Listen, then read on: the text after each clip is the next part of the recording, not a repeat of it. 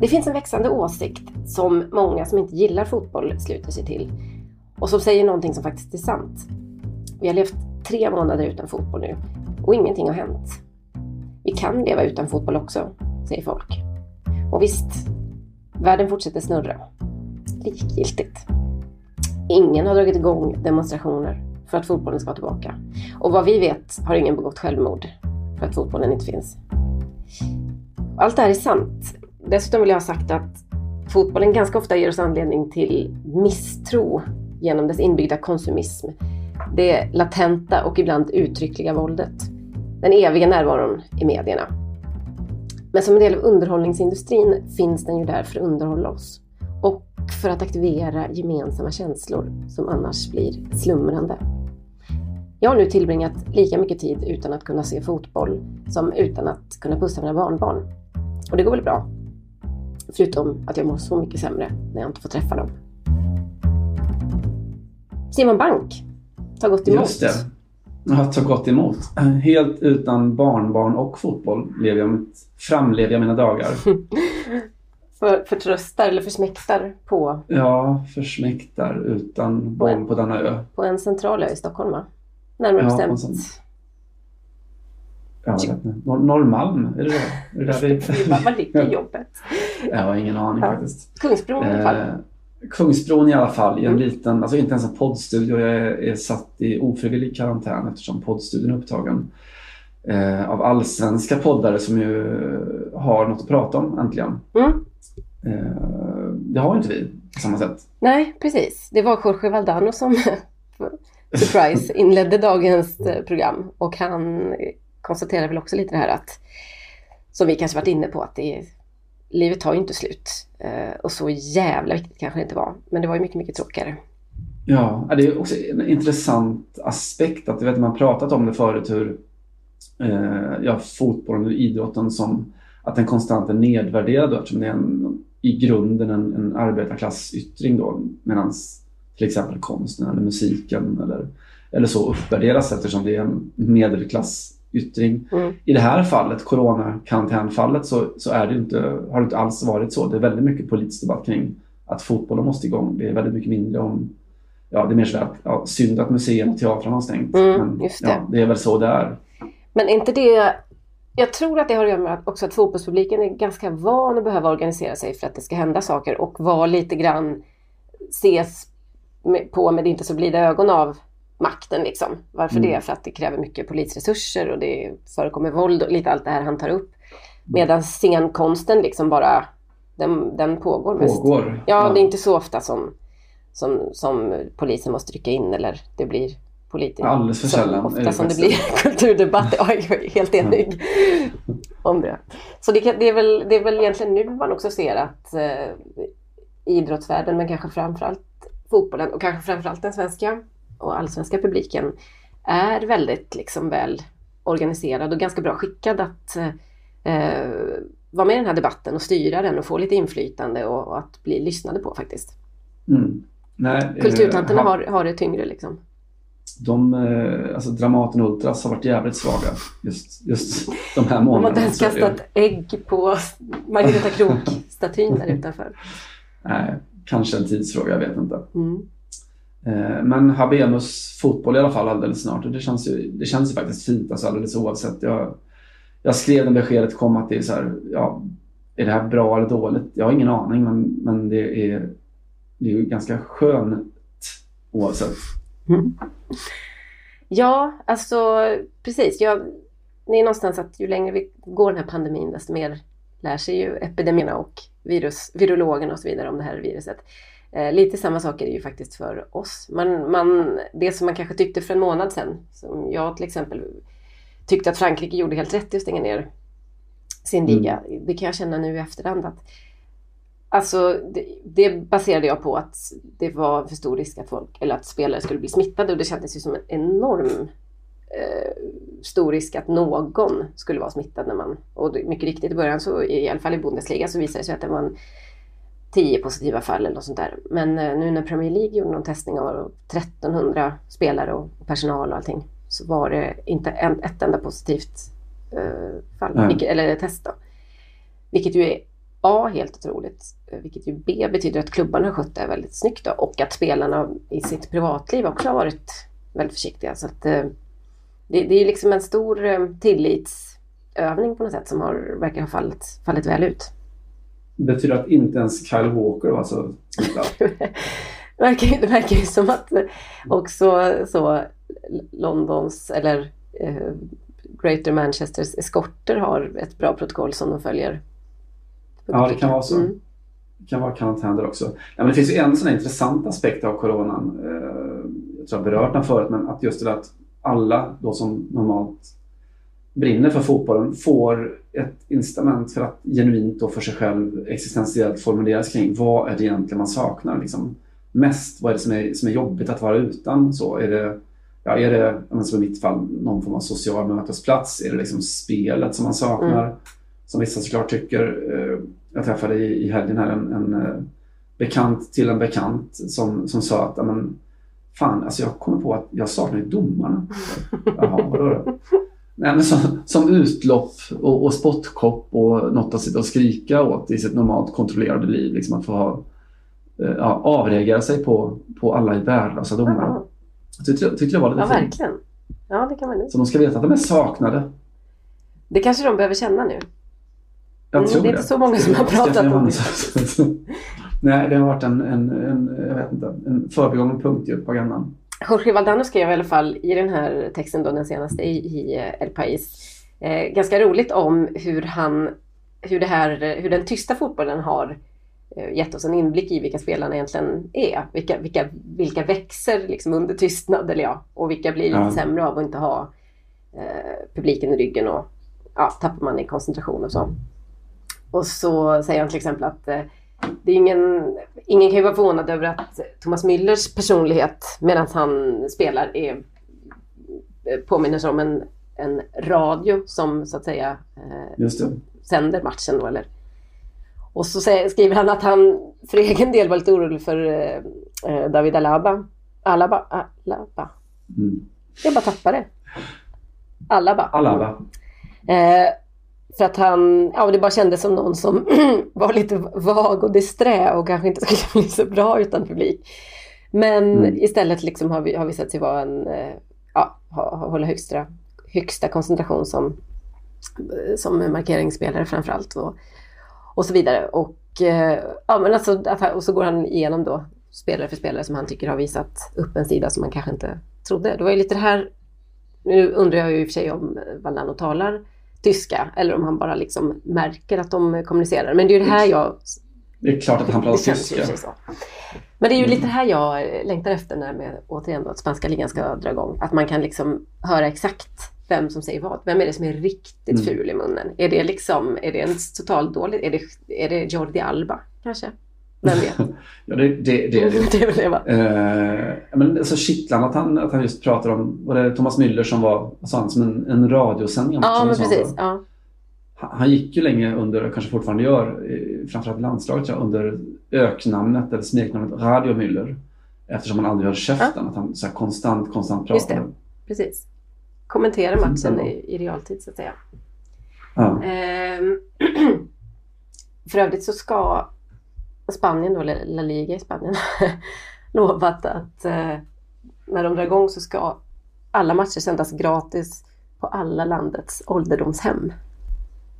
Det är fint. det är det finaste som hänt. Också för att då, då menar man liksom att det här är så viktigt. Det här är en uppoffring ekonomiskt för oss. För de där gamlingarna hade faktiskt fått betala annars. Men vi känner liksom att de, det är många där som har trillat av pinn. Vi kanske inte skötte åldringsvården så bra. Nu ska vi göra vårt bästa för att kompensera det ni får se boll. ja. ja, någonting. Ja, jag vet att det finns andra länder där man har fattat beslut om att, det ska, att alla matcher ska gå gratis. Mm.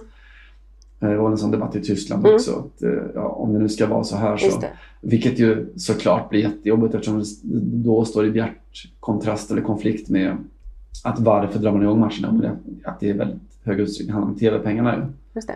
Eh, och att sändande bolag kanske inte är jätteförtjust i att det då går helt i fri TV. Ja, ja visst. Eh, jobbig, jobbig skärningspunkt mellan, mellan humanismen och empatin och ekonomin. Ja, den där gamla skärningspunkten som vi återkommer till så att säga. Det händer. det har hänt. Mm. Hör på det här då. Jag är ju fortsatt i, i Spanien, i Katalonien för att vara mer exakt. Eh, och idag, någon gång under dagen, idag tisdag när vi spelar in, så hände följande. Eh, Spaniens hälsominister Salvador Ia kallar till videomöte, Zoom-möte säger vi, det står inte uttryckt vilket program de använder men ändå, mm. med eh, kaptenerna i eh, Atletico, Valencia, Real Madrid och Barcelona. Så Leo Messi, Sergio Ramos, eh, Coque och eh, Dani Parejo ska, kommer idag sitta och zooma med eh, hälsoministern. Där han har annonserat att han vill känna av det känslomässiga läget hos eh, fotbollsspelarna. Hur mår de lite så här mitt i, i, i, pandemin? Hur, hur säkra är de på vad som gäller när, när ligan drar igång? Det är bara mindre än två veckor kvar då i Spanien. 11 eh, juni så ska Sevilla-derbyt eh, spelas som första match. Och ja, men lite gå igenom så att säga protokollet inför eh, åter, återstarten av La Liga. Eh, ger du mig rätt när jag säger att detta är en bra bild? Alltså gud ja, man vill ju att den ska sändas gratis på ålderdomshem. på alla jävla ålderdomshem. Konferensen. ja men precis. Också så fint att, ja, kanske mest att Sergio Ramos och, och, Leo Messi ska sitta där och bara eh, eh Leo, no, no, no escucho, no escucho. Och så bara helvete får jag inte på ljudet nu. Ja, bara, jag, kan jag ringa upp igen? Nej det här funkar inte. Ska vi köra på Skype allihopa? Så bara, vad heter du på Skype? Och så heter ju Leo säkert något så här Lionel Ska vi 87, köra med Fortnite? Newells Old Boys. Ja exakt, precis så. eh, det är också intressant att det står eh, längst ner i, i den här artikeln på Marca att eh, utgångsläget var att eh, sport, idrotts, kultur och idrottsministern José Manuel Rodríguez Uribes, eller Uribes skulle hålla i det här mötet. Men nu blev det IA och man kan också bara tänka sig att det är så jävla givet att som spansk hälsominister så har du en chans i världen att få koppla upp dig på internet mm. med Leo Messi och Sergio Ramos och det är nu liksom. Så han tänkte fan inte släppa den här. Han bara idrottsministern, nej nej jag kan ju hälsoprotokollet så att jag, jag tar den. Eh, jag tar den eh, José Manuel. Fint ändå. Mm. Ja, jag hoppas att det kommer bilder från det här men det är väl, det är väl lite tveksamt kanske. Gud. Ja, alltså man, man vill ha det sådär. Oj, Danny, har du provat att starta om datorn? Det kommer vara jävligt mycket starta om datorn.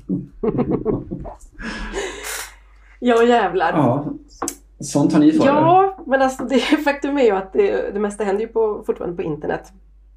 Uh, i, inom spansk fotboll. Och inom ja, all fotboll utom med den tyska. Jag har faktiskt drabbats av en, alltså ofrivilligt drabbats av en rejäl skärmattack i veckan, i helgen. Jag har inte sett några matcher i helgen. Det var därför, jag kanske ska fråga dig, har du sett många? Uh, nej, det har jag verkligen nej. inte gjort. Bundesliga var kul så länge det inte var helt avgjort. Men sen kände jag att uh, längre ja. så sträckte sig inte min abstinens faktiskt. Så att jag skulle titta på ett nej. Borussia Dortmund som inte kommer kunna vara med i, i titelstriden. Nej, det är sådär. Ja, Zweite Bundesliga lever ska man, fast man är inte riktigt där i, känner jag. Alltså allt det där som, som får något att hända till är ju är mm. borta. Det är så. Just som vi har tagit upp några gånger. Men en ofri, ofrivillig skärmattack? en ofrivillig skärmattack? Mm. Nej, men en oväntad i alla fall. Um, det är i, i tider av Youtubers så har det gått så långt att eh, den här eh, ganska otippade Youtubern Kun Agüero eh, har gjort en, någon form av sändning där han Alltså du vet, du vet hur det numera kan vara så att och nu kommer jag ju trampa fel här om vi har mycket gamers i, i lyssnarskaran, men skit i det. Men du vet att man kan göra sitt namn nu för tiden på, eh, och det var det han Pewdiepie gjorde, att man liksom filmar sig själv när man sitter och spelar spel. Exakt så. Mm. Okej, okay, då, då, dåligt skratt. Förlåt, det var ingenting. Hoppas inte Peter Wolodarski lyssnar. Eh, när man sitter och spelar. Jag tror att det, det tåget har gått. ja, det tåget gått. Vilket tåg? Oh, ja. Mm.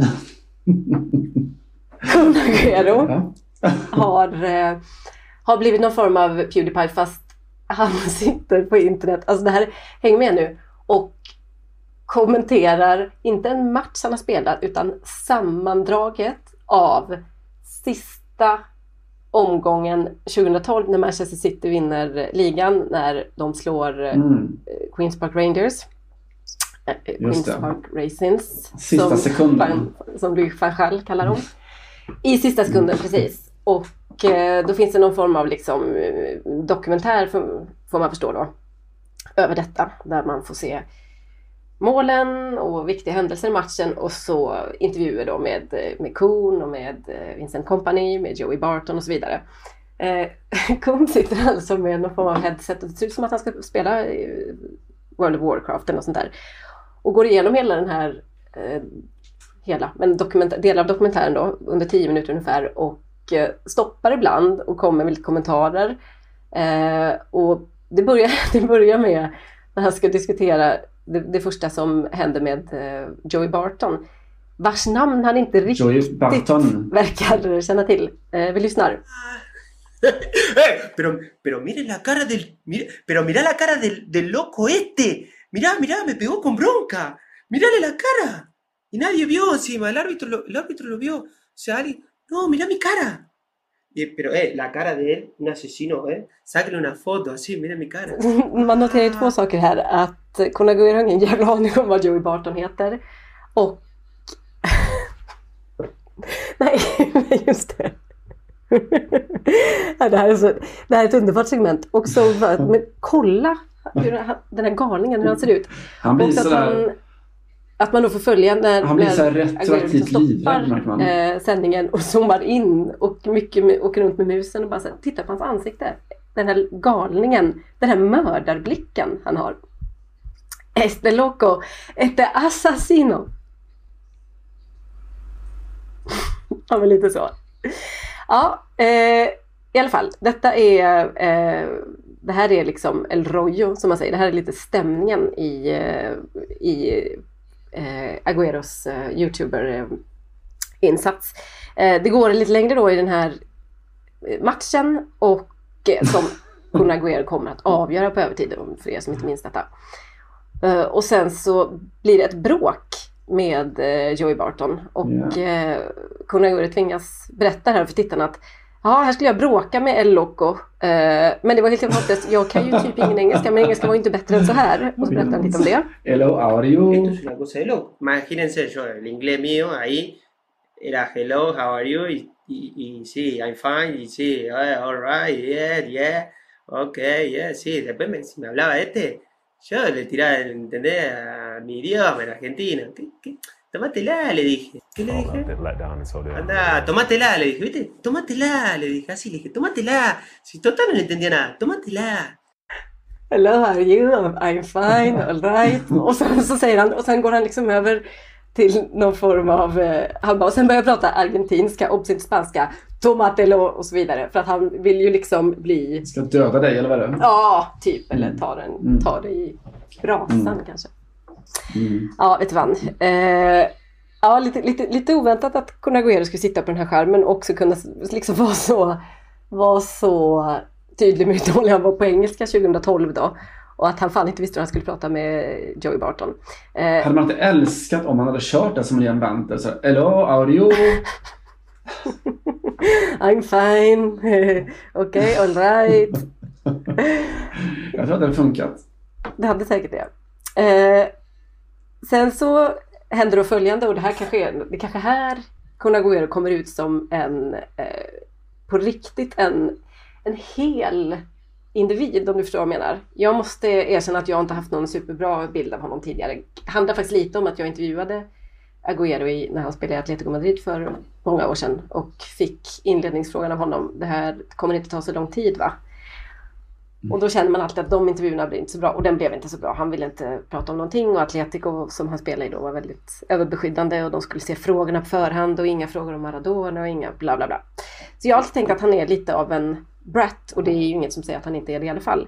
Men det kanske finaste med den här sändningen som jag uppmanar alla att titta på, vi lägger ut den såklart, nästan även om ni inte kan spanska. För att det är fantastiskt att se hur han sitter och kommenterar det här. Och hur hur, hur liksom osentimental han är med sig själv.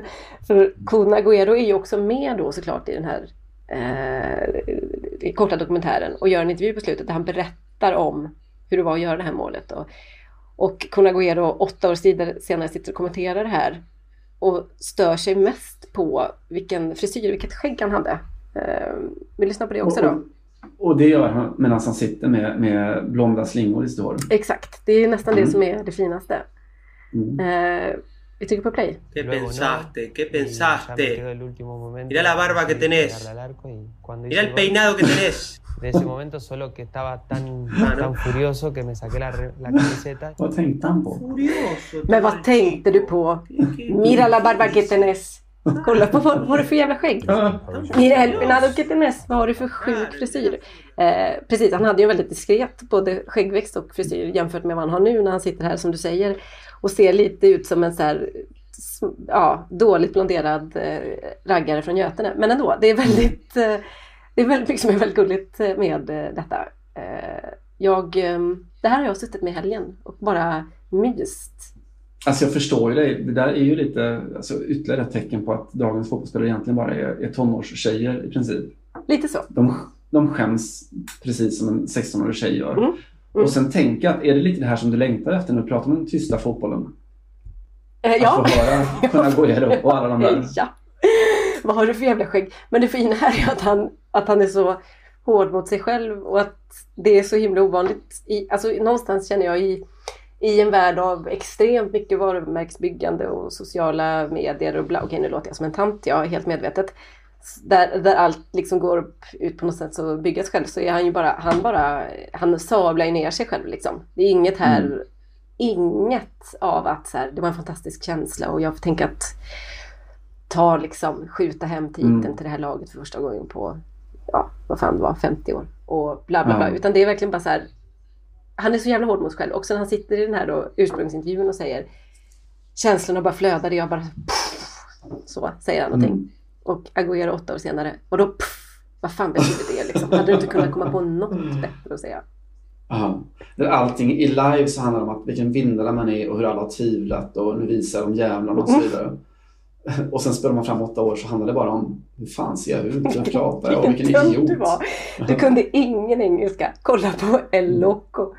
Ja, mm. är det väldigt också så roligt när han, han går igenom, eh, de gör liksom en snabb eh, glidning över bänken och han berättar om vilka nerver det var där. Han bara, förutom vår eh, lagläkare, han sitter här och så säger han så här. Han är helt lugn här för han kan inte ett skit om fotboll. Han satt förmodligen där och visste inte om vi höll på att vinna eller om vi höll på att förlora den här matchen. Och han var en riktig galning, en underbar människa. Ja, man får en, en väldigt varm känsla av Conagueros eh, så åtta år senare recension av, inte alls av matchen, utan av det lilla sammandraget och eh, hans eget, eh, som han tycker då, lite, lite bristfälliga framträdande mm. i det här sammanhanget. Bästa sportnostalgin som vi stött på under karantänen? ja, säga. exakt! Och så otroligt välförtjänt att en spelare som tydligen satt inne på en mysig personlighet fick eh, den uppvärderad så här. I mina mm. ögon. Du måste ja, använda en, det. En, en av Så blir du en vinnare på pandemin som det borde heta på något kvällstidningslöp snart. Exakt så. Ja, men det här visar väl också lite att alla de här vad ska man säga, alla de här ganska genomtänkta och PR-styrda stegen som fotbollsspelare tar för att bli eh, för att bygga sina personligheter och så. Mm. Alltid, alltid hade de kunnat göra på egen hand, bara sitta och vara så här mysiga och charmiga och sabla mm. ner mm. sig själva och hela sitt lag och bjuda på lite inside Ehm, så, några år senare. Fint var det. Mm. Fotbollny. Radikal. In och kika på Twittern. Uh, Cast Radical. That's us. Mm. Uh, jag tänkte för andra veckan i rad prata om Dublin. Jag antar att det är någon slags sån här undermedveten dragning som man som man sitter med. Vi skulle vi varit där. där. Ja, alldeles snart. Avresa om en vecka tror jag. Mm. Till eh, det svenska EM-lägret som aldrig blev. Eh, det är hårt. Så jag tänkte ta Dublin en vända till faktiskt och, och prata om en, eh, en film egentligen. Häromåret så gjorde nämligen en irländsk regissör som heter Nick Kelly fullängdsdebut med en då, som jag har förstått, ganska hyllad eh, bagatellfilm som handlar då om en, och lyssna på det här, en osannolik vänskap. Det var typ vad 9 av 10 filmer handlar om. Ja, det var, det var väl inte det här helt chockerande kanske temat som om det var det han ville uppnå. Nej, jag tror inte att det var det han ville uppnå. Okej. den, den här osannolika vänskapen är då mellan en kille som heter Gabriel, Gabriel då såklart, som är en bipolär rocktrummis och Christopher som är en kille med eh, funktionsvariation, Aspergers har han, Mm. svår Aspergers. Eh, och de möts då genom fotbollen eh, och det berättar jag då för att filmen heter The Drummer and the Keeper. Mm. Och jag vet inte om, om Nick Kelly fattade riktigt men han har gjort en jävligt briljant fotbollspsykologisk observation där ju. Mhm. Så, för vad är egentligen en målvakt? Jo, han är ju liksom den här, just den här kombinationen av en ordningsmanisk Asperger-personlighet och en rocktrummis utlevd bipolaritetsperson. Peter Check would not disagree och så vidare. Låt oss återkomma till Peter Check. Mm. Eh, för jag vill att vi som ett intro till vår lilla, eh, vårt lilla resonemang här lyssnar på en kille som heter Marko Djordjevic som då är rankad som en av världens främsta trummisar och det är inte av mig utan av eh, magasinet Modern Drummer eh, som du prenumererar på kanske. Ja, givetvis. Marko Djordjevic då eh, trumekvilibrist, serb, började från Serbien, från Belgrad och utbildad boende då i USA, New York tror jag. Han har ett band som heter Sveti som då ger ut sina skivor på bolaget som heter Goalkeeper Records. Eh, och det finns det en förklaring till. Nämligen att Djordjevic då alltså inte bara är en världsklasstrummis utan att han också då är målvaktsfreak. Eh, eh, han var på turné då häromåret i sitt då älskade Belgrad och passade på att få ett träningspass med en serbisk, väldigt välkänd då, målvaktstränare som heter Nenad Savic. Eh, han älskar målvakter. Mhm. Eh, lyssna bara här. Hi, this is Marco Georgievich. I play drums with Clarence Spady, the Takeoff Collective, the Kung Fu Masters, and lead my own band Sveti. One thing you may not know about me is that I think of soccer goalkeeping and drumming as being one and the same. Eh, yes, målvaktsspel och trummor, är det egentligen samma sak? Man undrar lite. Peter Käck sa du? Mm. Jo då. Eh, han började då spela såna här eh, tv-spelstrummor. Jag vet inte vad heter det på om det är Playstation, man har en sån där sound, inte sound studio men något sånt där, något sånt spel man spelar instrument. Ja, just det. Är det inte Mm, Wii då eller någon? Nej. Jo, det kan vara någon sån variant. Är det Nintendo kanske till och med? Ja. Eh, jag vet Nu inte. nämnde vi jättemånga av dem i alla fall så att vi borde vara safe i konkurrensen. Jag tror det och vi har redan, redan slut med gamers. Eh, Mm. Vi kan inte det där.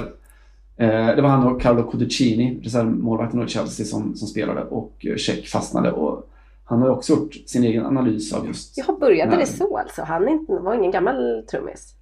Han var ingen gammal trummis. Nej. Han bara spelade tv-spel och att här finns någonting. Otroligt Eh, bra. Ja, och han har gjort sin analys av just eh, parallellerna mellan, mellan trumspelande och målvaktsspelande. Han säger så här att det lär dig att använda alla, eh, alltså båda fötterna, båda händerna på olika sätt. Eh, du lär dig att koordin- koordinera saker och när du väl lyckats programmera din hjärna att göra det eh, så hjälper det att koordin- koordinera det även inom fotbollen. Mm. Vilket är då speciellt, säger Check, eh, användbart för målvakter. Ja, det, det låter ju superrimligt faktiskt.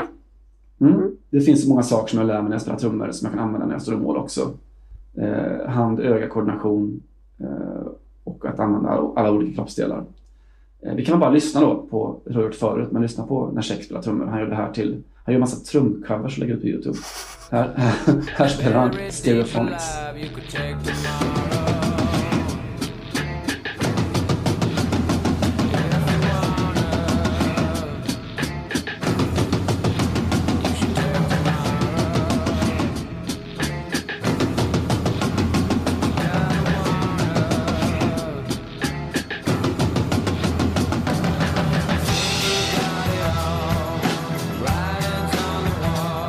Vidare till, ja det får bli så, till Tottenham. Jimmy Greaves, alltså Tottenhams då främste, eller meste målskytt genom tiderna, eh, har ju varit svårt sjuk här de senaste månaderna. Nu ska han hemma från sjukhuset eh, och han har ju fått jättemycket värme, jättemycket stöd eh, från klubben och från fans från massa olika klubbar. Kanske speciellt från Tottenham-fans såklart. Eh, det som jag fastnade för var en stor donation som kom då till familjen Greaves. Eh, för det kom från en väldigt speciell supporter som då när han var liten älskade att se Jimmy Greaves spela fotboll. Phil Collins öppnade plånboken. Jag hör, jag hör vart du är på väg. Du hör vart jag är på väg. Eh, Phil Collins då, känt stort Tottenham-fan. Det är inget nytt alls. Eh, men kanske lite mer känd då som Genesis trummis snedstreck sångare. Eh, Genesis meddelade då i tidig vår, sen vinter, nå- nå- någonting att de skulle återförenas och ge sig ut på turné. Eh, oklart hur det blir med den nu då. Eh, men jag tycker att han förtjänar att nämnas här. För han har också då lanserat en egen teori om skärningspunkten mellan fotboll och musik. Mm.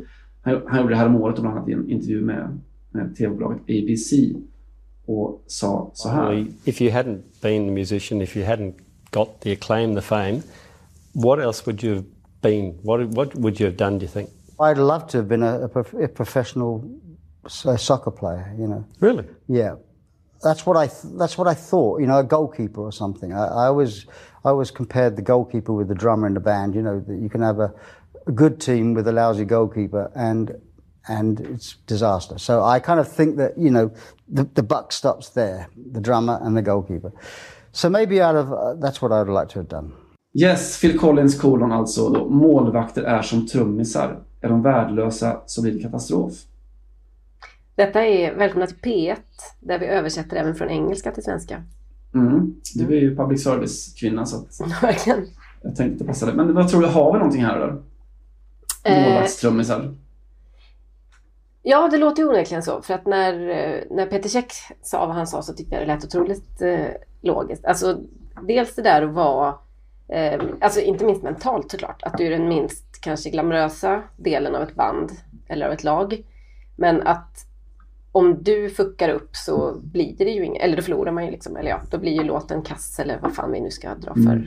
metafor och så. Och att det är väl nästan alltid någon form av outsiders. Alltså det finns alltid något drag hos trummisarna, precis som det gör hos målvakterna. Som gör dem lite, lite annorlunda än resten av, av liksom Världen. the Mötley Crüe så att säga. Exakt. Var det inte också så att, och inte det här väldigt typiskt, att eh, målvakter ofta har andra talanger, eller ja, målvakter och trummisar då kanske ofta har Mm. andra talanger. Ja, alltså José Manuel Pinto, eh, Barcelonas eviga eh, goe gubbe och Andres Slips eh, Mm. var, kom ju ut som en mycket tabil musiker faktiskt för, ja, även under karriären men har gjort en del sounds ihop med Messi till exempel och sådär. Han har en studio här i Barcelona där han, där han håller på lite grann.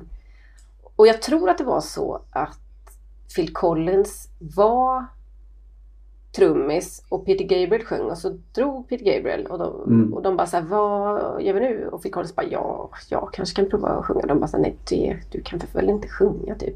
Och så provade han och de bara, varför har du inte sagt någonting? Du sjunger ju jättebra. Typ att, att det är lite den, att man har en begåvningsreserv som målvakt och trummis. Utöver Så- allt det andra då. Att man styr lite grann Ja, det finns, det finns ju tusen sådana stories om just målvakter som blev målvakter just. Alltså, ta typ van der Sar eller någonting. Man var utespelare, ordinarie målvakten var sjuk eller skadad. Man fick hoppa in och såg att ah, men det, här, Mm. det här är min grej. Mm. Mm. Eh, men eh, vet du vem du lät som när du pratade precis? Eh, Alltså, som, som mig såklart, men utöver det. nej. Du lät precis som Chaolina. Alltså Kinas eh, förre, kan man säga kanske, landslagsmålvakt. Eh, hon har i veckan nämligen pratat om sina två passioner i livet. Eh, Shaolina slog igenom som målvakt i Shanghai, då ganska ung. Hon är tror jag, 27-28 nu. Och när hon gjorde det så lät klubben henne ha en egen liten studio i träningsanläggningen. Så när hon hade tränat klart då, fotboll för dagen så satte hon sig där vid trumsetet och bara öste på. Nej, vad fint. Eh, blev riktigt bra på trummor, började spela med band, eh, gav konserter och så vidare. Eh, Jag blev otroligt glad eh, Simon. Vilken superbonsinfo. visst är det fint? Mm. Hon eh, har sagt så här, att vara målvakt är ansvarsfullt.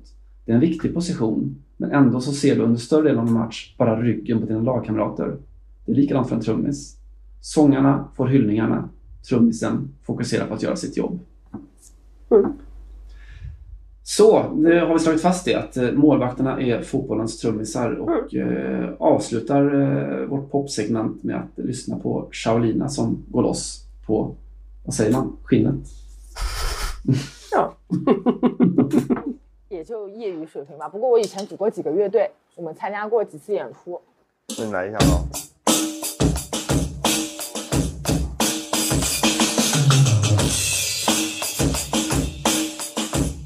Just det. Men är det inte så att... eh, Är det inte också så att, eh, jag menar Håkan Hellström var trummis? Mm. Han var väl trummis bror Daniel? Ja, och, och ja, sant. Ja. Och bara blev, ja, klev fram som en Sveriges största superstar. Eh, Jonas Lundqvist, min gamla barndomsvän. Mm. Trummis i eh, Bad Cash Quartet. Mm. Habil, för att inte säga lysande solokarriär som sångare. Det finns en rad här alltså. Ja, så är det. Ett gäng. Mm. Jag säger det mest till dig, jag vet inte alls om det är intressant för lyssnarna i övrigt men det bara att slå Ja. mig att eh, this is true. Jag tror att det är intressant för alla. Jonas som väl bytte i något sammanhang namn till Jonas Game eller Game. Mm, absolut. Eh, tennisspelare också. Just det, tenniscoach. Just det, sant. Jag har tagit eh, några lektioner av honom. Åh, Mm. Till, vi vi är faktiskt gamla kompisar. Så att, eh, jag fick han ordning på din tvåhands? vänskap. Eh, han tyckte att min, att jag såg lite handikappad ut med ena armen. Eller jag var funktionsvarierad då. För att jag inte riktigt hade med den i spelet så mycket utan eh, så att, eh, vi fick träna upp det lite. Mm. Ja. Okej, super ointressant för eh, 90% av lyssnarna. Men vi finns ju här för de andra 10 också. Just det, de 10 procenten.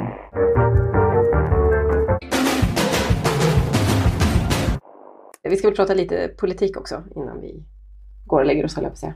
Eh, och jag vet inte om du har sett detta Simon, men jag gissar på ja. Det har blivit debatt till slut i eh, Storbritannien, om, eller England då framförallt, om eh, varför man valde att plocka upp då Premier League, eller den ska, det ska tas upp här igen i mitten på, mm, på juni vet ni. Men Women's Super League har lagts ner och lagts på is och ja, säsongen kommer att, så att säga, inte att fortsätta. Eh, detta är ju fallet i flera olika länder. I, i, eh, ja, i Frankrike har ju, har ju hela all fotboll lagts ner, det känner ni till, så där blev det ju inte någon, någon sån könsdebatt. Eh, I Spanien tror jag att damfotbollen inte står sig tillräckligt stark för att den här debatten inte ska komma till. Men det har ju grumlats lite i alla fall. Sådär. Vad, vad är poängen med det här och så vidare. Men i flera av de här länderna, både Spanien och Frankrike, så är det ju så att damligan ofta tillhör fotbollsförbundet. Och då i- tillhör man det som kallas amatörfotbollen. Och om man bestämmer sig för att amatörfotbollen inte får återupptas, för det är inte värt riskerna och så, så, så, så faller dam, också högsta damligan under det. Medan herrligan är liksom kommersiellt fristående och så vidare. Eh, I Storbritannien är det inte så och därför så har ju rösten nu höjts för att det här var ett eh, dåligt beslut. Eh, Alison McGovern som är då skuggidrottsminister, vilket ju inte är, ett dåligt alias eh, på något sätt. Eh, också Labour-representant eller ledamot tog upp eh, det hela till debatt i helgen och helgen kan de ju knappast i och för sig ha eh, pratat om debatterat va? Ja, vad vet jag. De är ju lite excentriska på ön. Men eh, låt oss säga att det inte var helgen då, utan att det var i eh, förra veckan. I alla fall så var hennes då argumentation att, Eh, att vi liksom kastar den här säsongen i, i papperskorgen är, är ett eh, problem. Framförallt eftersom det inte finns, verkar inte finnas någon riktig plan för det hela. Eh, damfotbollen hade liksom en extremt bra, eh, ett, bra, ett jättebra momentum. Eh, och eh, väckte väldigt mycket intresse och vi hade inte sett något liknande någonsin tidigare i, i England då. Eller ja, det var i alla fall inte under, eh, då- sen innan eh, damfotbollsförbudet. Ni vet ju att det var stort med damfotboll för före första och före andra världskriget kanske. Eller, du är mer expert på detta Simon känner jag. Ja, När under, var den som störst? under kriget kan man säga. När, eh, Ja, just det. Att Första män, männen ryckte in. Eh, Ja, båda egentligen. Båda. båda. Mm. Mm. På den tiden som engelsk damfotboll kunde locka tusen, tiotusentals, kanske 20 000 till, till läktarna och så vidare.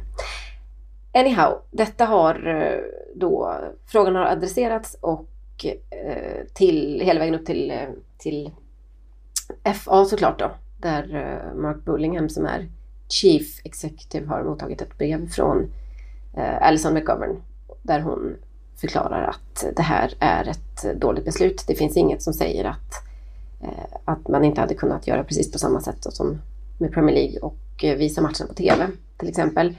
Ehm, vart är vi på väg, som det populärt heter, med damfotbollen om man inte, om man inte tar detta på allvar. Och jag tycker att det här, det är ju en fråga som är, som är värd att diskutera. Inte bara för att man tappar momentum, men också generellt. Vad händer med lag nu där man inte liksom, ja, där man tränar för ingenting eller hela ligor man tränar för ingenting. Eh, I Frankrike är det ju så att eh, PSG och eh, Lyon Eh, med största sannolikhet kommer spela ett Champions League-slutspel i, i augusti. Det är ju en jättekonstig situation förstås för dem också, utan match inför dess, men, eller in, innan dess. Men det finns ändå någonting som håller liksom, det hela igång och så. Eh, svårare på de sidan.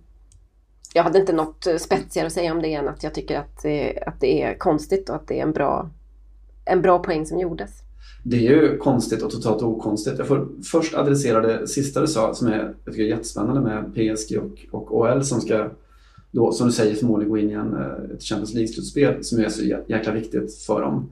Eh, att kommer det bli, alltså en av alla dessa spännande följdfrågor, att man då gör ett upplägg mer som liknar individuella idrottare, till exempel en, ja, en simmare eller en, en, en löpare som siktar på OS med en sån toppningscykel inför en kort period, vilket är en helt annan sorts träning än om du ska vara förberedd för en hel säsong eller så.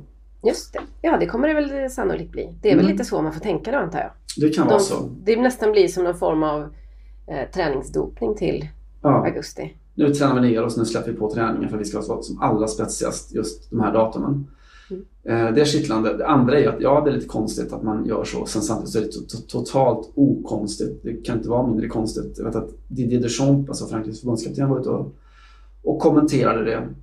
Att eh, ja, varför öppnar man ligor eller stänger ligor och sådär. Eh, man pratar mycket om fotbollens värde och ja, att det är säkert och tryggt eller, eller inte och sådär. Men titta på England sa han att ja, herrarna öppnar, damerna lägger ner. Eh, vilket ju är det optimala, ultimata, slutgiltiga beviset på att det handlar om pengar såklart. Eh, att var herrfotbollen är en intäkt, damfotbollen är en kostnad. Eh, mm. Så. Mm. Sen, just, jag tycker också det är kittlande att tänka sig just att Frankrike var så snabba då på knappen att stänga ner.